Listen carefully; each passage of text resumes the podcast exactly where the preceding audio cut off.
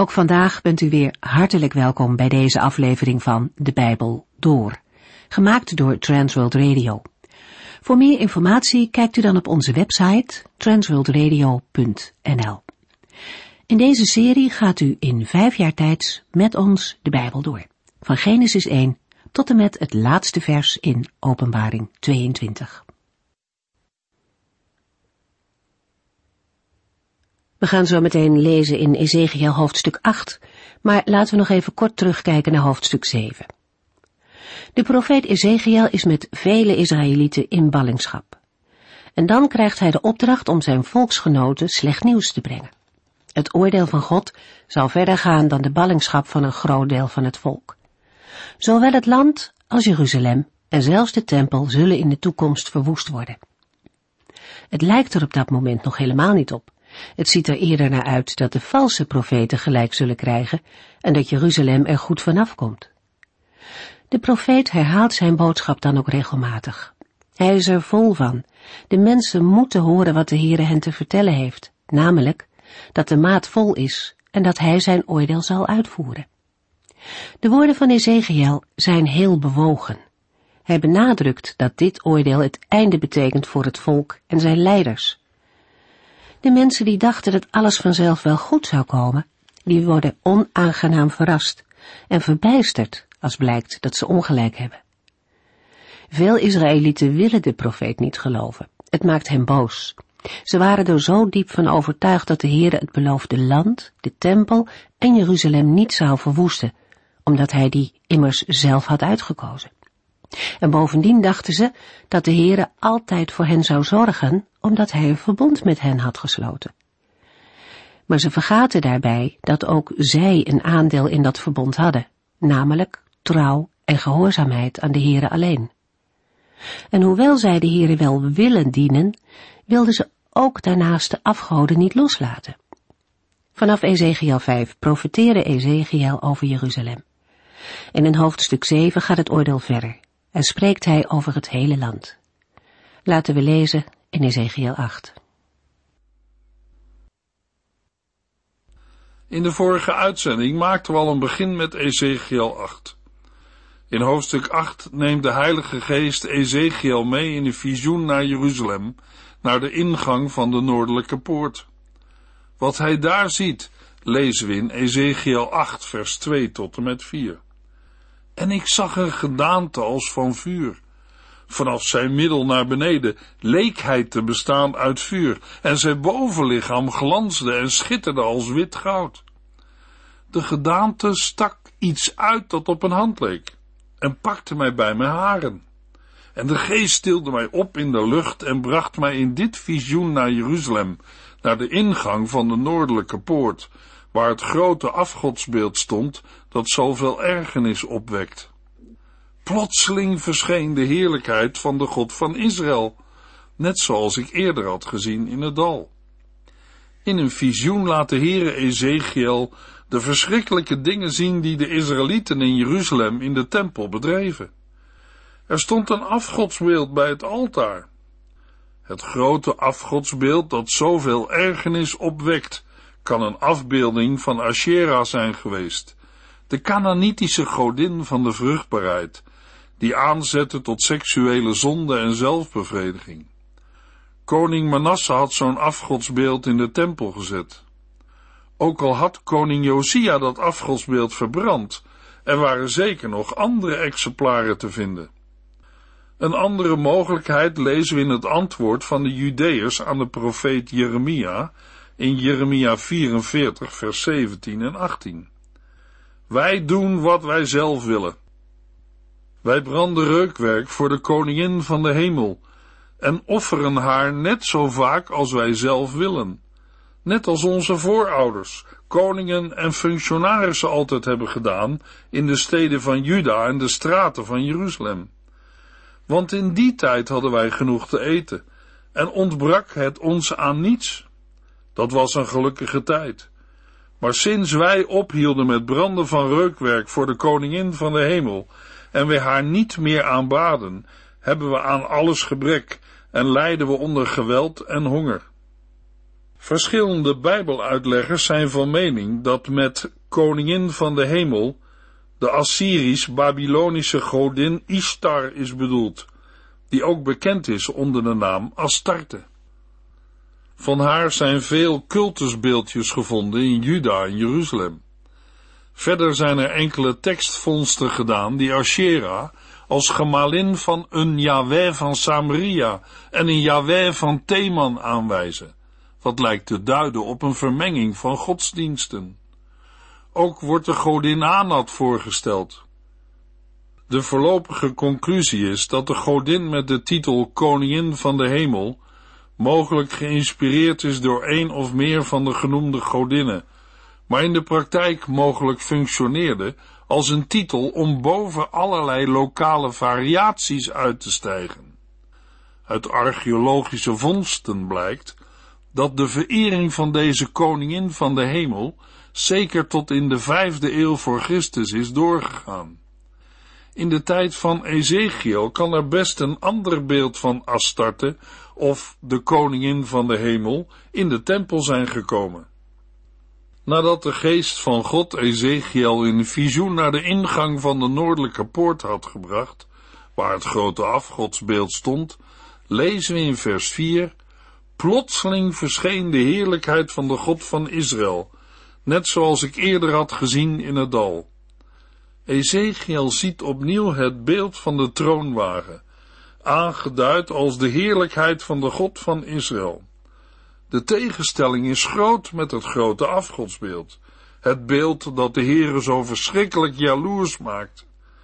De leiders van Juda, de bezoekers van Ezekiel, wisten precies wat Ezekiel bedoelde. Ezekiel ziet weer de schitterende en onbeschrijfelijke majesteit of heerlijkheid van de God van Israël. Ezekiel 8 vers 5 Hij zei tegen mij, Mensenzoon, kijk naar het noorden. Ik zag ten noorden van de poort bij het altaar het afgodsbeeld staan. Vanaf de plaats waar Ezekiel zich in de geest bevindt, moet hij in de buitenste voorhof kijken. Daar zag hij het grote afgodsbeeld staan, vlak bij het koperen brandofferaltaar in de voorhof van de tempel. Wie naar het altaar ging, moest langs het afgodsbeeld. De afgoderij was tot het altaar van de Heere doorgedrongen. Dat maakte de Heere razend en jaloers. Moet zijn eigen volk daaraan offeren? Terwijl Ezekiel keek, deden ze dat. Die afgoderij verdrijft de Heer uit zijn eigen huis. Ezekiel 8 vers 6 Hij zei, mensenzoon, ziet u wat zij doen? Ziet u welke grote zonden de Israëlieten hier begaan, zodat ik uit mijn tempel word verdreven? Maar kom, ik zal u nog grotere zonden laten zien. Zo voelt de Heer het, als zijn eigen volk op een afgod vertrouwt dat maakt hem razend van jaloersheid. Als een man van wie zijn eigen vrouw met een andere man in bed ligt, nota bene in zijn eigen huis. Maar dat was nog niet alles. Ezekiel 8 vers 7 tot en met 9. Hij bracht mij naar de toegangsdeur van de tempelhof, waar ik een gat in de muur ontdekte. Breek door deze muur heen, zei hij. Toen ik dat deed, kwam een deur naar een verborgen kamer tevoorschijn. Ga naar binnen, zei hij, en kijk welke goddeloosheid daar wordt bedreven. Ezekiel moest, allemaal nog in het visioen, door een gat in de muur kruipen. En toen zag hij wat er allemaal stiekem in de tempel in Jeruzalem gebeurde. Het afgodsbeeld in de tempel kon iedereen zien. Maar nu ziet Ezekiel in een halfdonkere verborgen kamer in een van de bijgebouwen van de tempel, wat daar in het geheim voor goddeloosheid werd bedreven. Ezekiel 8, vers 10 en 11. Ik ging naar binnen. De muren waren versierd met afbeeldingen van allerlei slangen, hagedissen en andere weerzienwekkende dieren. Ook waren er afbeeldingen van alle afgoden die de Israëlieten vereerden. En zeventig leiders van Israël stonden daar in gezelschap van Safans zoon Jaazanja en aanbaden de afbeeldingen. Ieder van hen had een wierookvat in de hand, en de rook vulde de hele kamer. De muren van het geheime vertrek waren vol gegraveerd met figuren van zogenaamde heilige dieren. Slangen, katten en krokodillen en meer van zulke onreine dieren. Afbeeldingen van alle afgoden die de Israëlieten vereerden. En er staan ook nog zeventig leiders van Israël bij, in gezelschap van Safans zoon Jaazanja. Safan, de vader van Jaazanja, had notabene Jeremia geholpen bij het opruimen van de afgodsbeelden. En nu staat daar een zoon uit zo'n degelijke familie met een vaatje wierook voor die zogenaamde heilige dieren op de muur en aanbidt hun afbeeldingen. Met het branden van wierook bewijzen Jaazanja en de zeventig leiders van Israël goddelijke eer aan de afbeeldingen van de dieren. Ook in het Nieuwe Testament lezen we over soortgelijke zaken.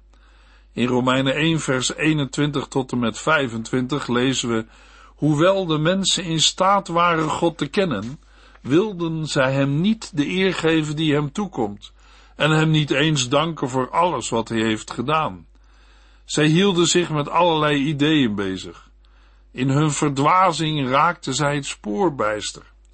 Hoewel ze dachten dat ze alles wisten, waren zij in werkelijkheid dom. In plaats van de eeuwige God te eren, maakten zij afgodsbeelden van sterfelijke mensen, vogels, zoogdieren en reptielen.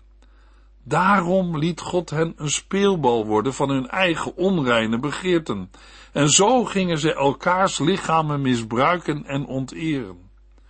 Zij ruilden Gods waarheid in voor leugen. Zij vereerden de dingen die God gemaakt heeft in plaats van God zelf. Hij is toch te maken.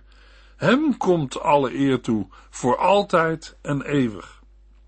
Luisteraar, geven wij de Heere de eer die hem toekomt? In de tijd van Ezekiel is Israël weggezonken in afgoderij en de praktijken van de godsdiensten van de omliggende volken. Ezekiel 8 vers 12 en 13 Toen zei de Heere tegen mij, mensenzoon, hebt u gezien wat de leiders van Israël in het geheim doen? Ieder bij zijn afgodsbeeld? Zij zeggen, de Heere ziet ons toch niet, want hij heeft het land verlaten. In deze verse komt het diepste motief naar boven dat de leiders van Israël tot afgoderij drijft. Sinds de ellende in het jaar 597 voor Christus, toen Nebukadnessar, Ezekiel, de koningin moeder, een groot aantal leiders en de voor de wapenindustrie onmisbare ambachtslieden wegvoerden naar Babel, voelden zij zich door de heren verlaten.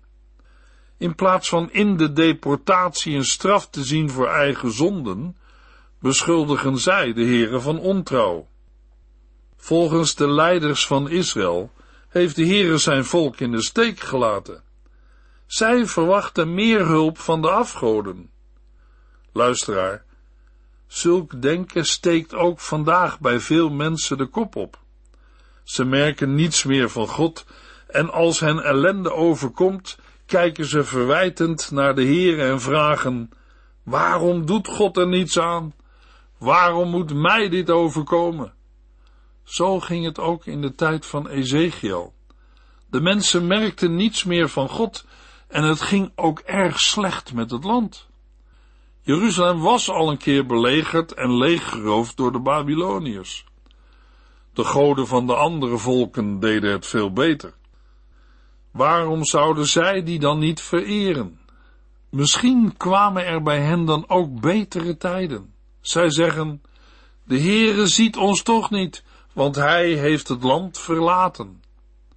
Ezekiel 8 vers 13 en 14 Hij, de Heere, vervolgde, Kom, dan zal ik u zonden laten zien die nog gruwelijker zijn dan deze.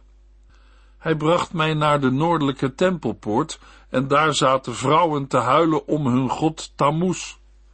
Hebt u dit gezien? vroeg hij. Maar ik zal u nog grotere gruwelen laten zien. Ezekiel wordt in de geest teruggevoerd naar de ingang van de in vers 3 genoemde poort.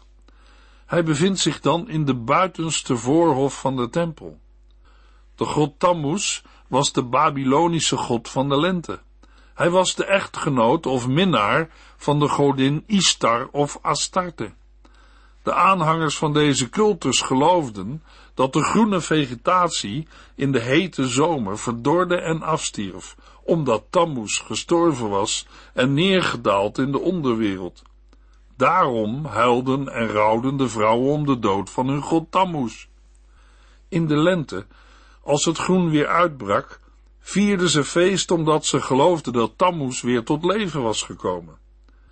Deze zaken lijken verre van ons vandaan te liggen, maar dat zou ik niet te snel denken.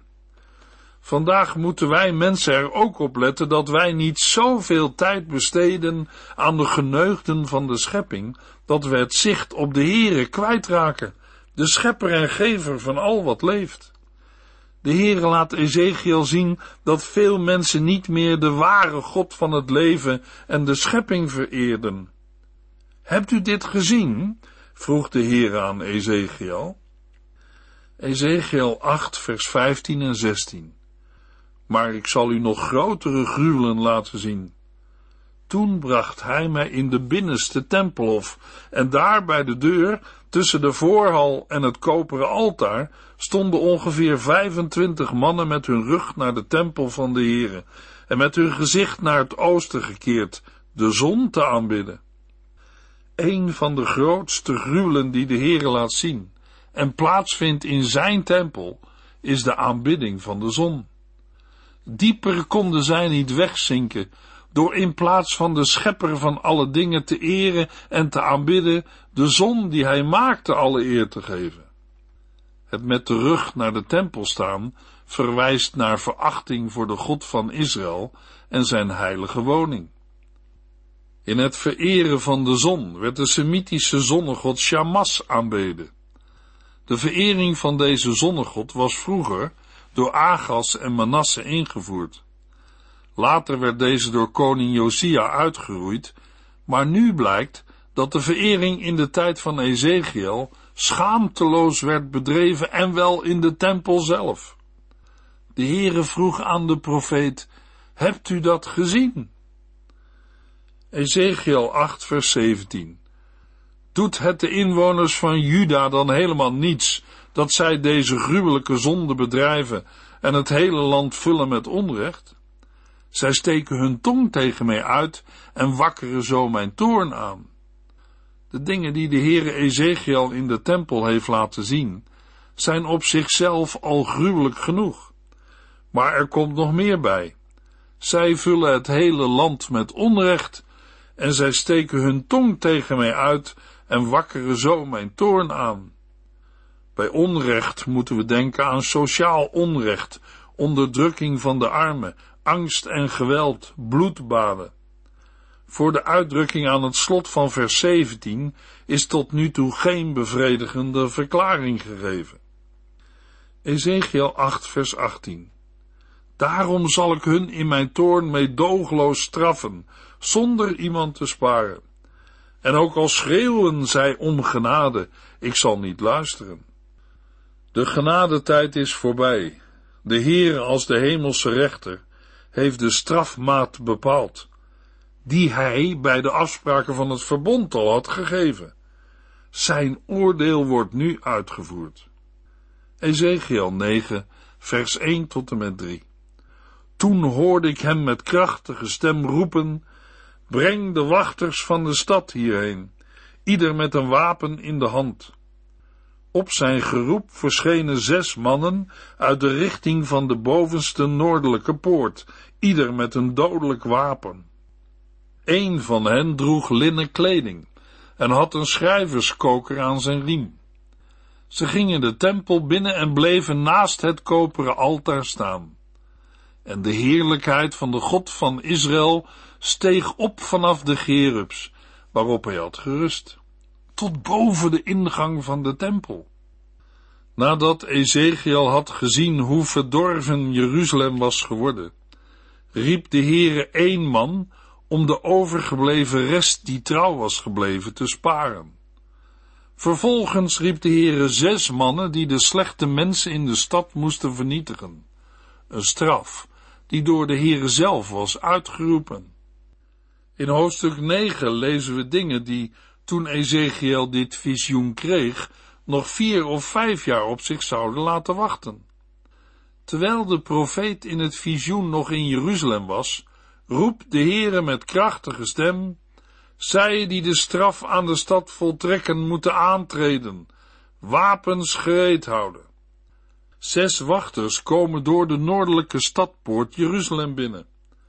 Wij weten dat Jeruzalem vanuit het noorden, vanuit Babel zou worden aangevallen. De wachters die het vonnis moeten uitvoeren, hebben alle zes een vernietigingswapen bij zich. Maar één van hen heeft het gereedschap van een schrijver aan zijn riem hangen. Hij moet eerst Jeruzalem doorkruisen en al degenen die trouw zijn gebleven aan de Here een teken op hun voorhoofd geven. Het zijn de mensen die huilen en zuchten om alle zonden die zij om zich heen zien. In het vervolg lezen we dat de zes wachters bevel krijgen achter de man met het schrijfgereedschap aan te gaan en iedereen in de stad neer te slaan. We lezen in vers 5 tot en met 7.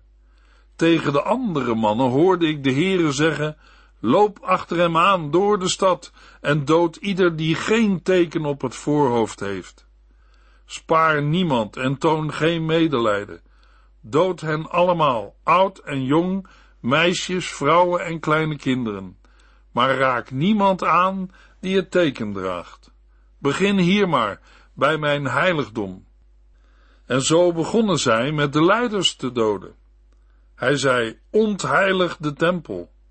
Vul de voorhoven met de lichamen van hen die u doodt. Vooruit, ga uw gang.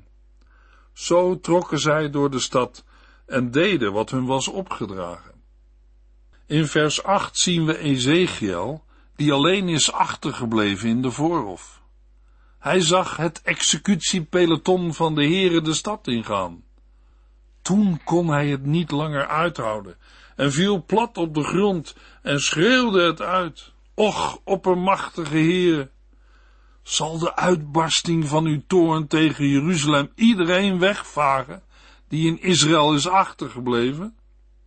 Hier blijkt de grote liefde die Ezekiel heeft voor zijn volk.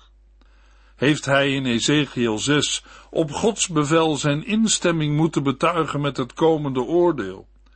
Nu hij het oordeel met al zijn verschrikkingen ziet gebeuren, werpt Ezekiel zich als een boeteling op de grond om genade en barmhartigheid af te smeken voor Israël en Juda.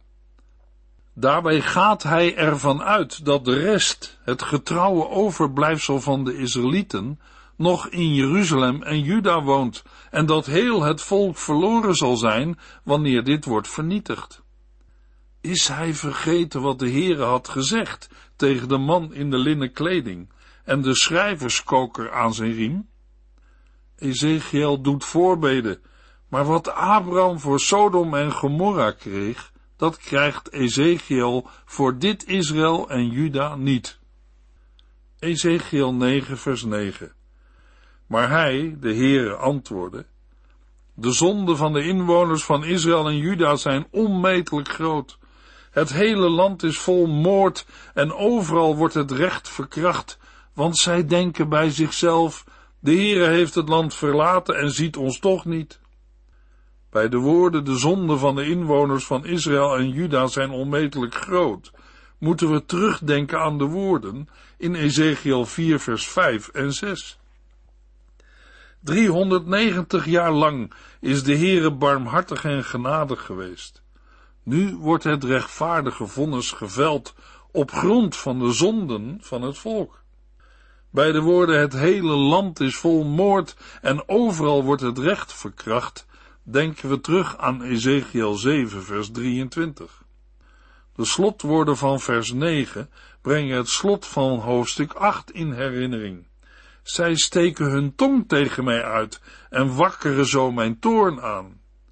Ook in Ezekiel 8 vers 12 lazen we dat de leiders van mening waren dat de Heere het land had verlaten.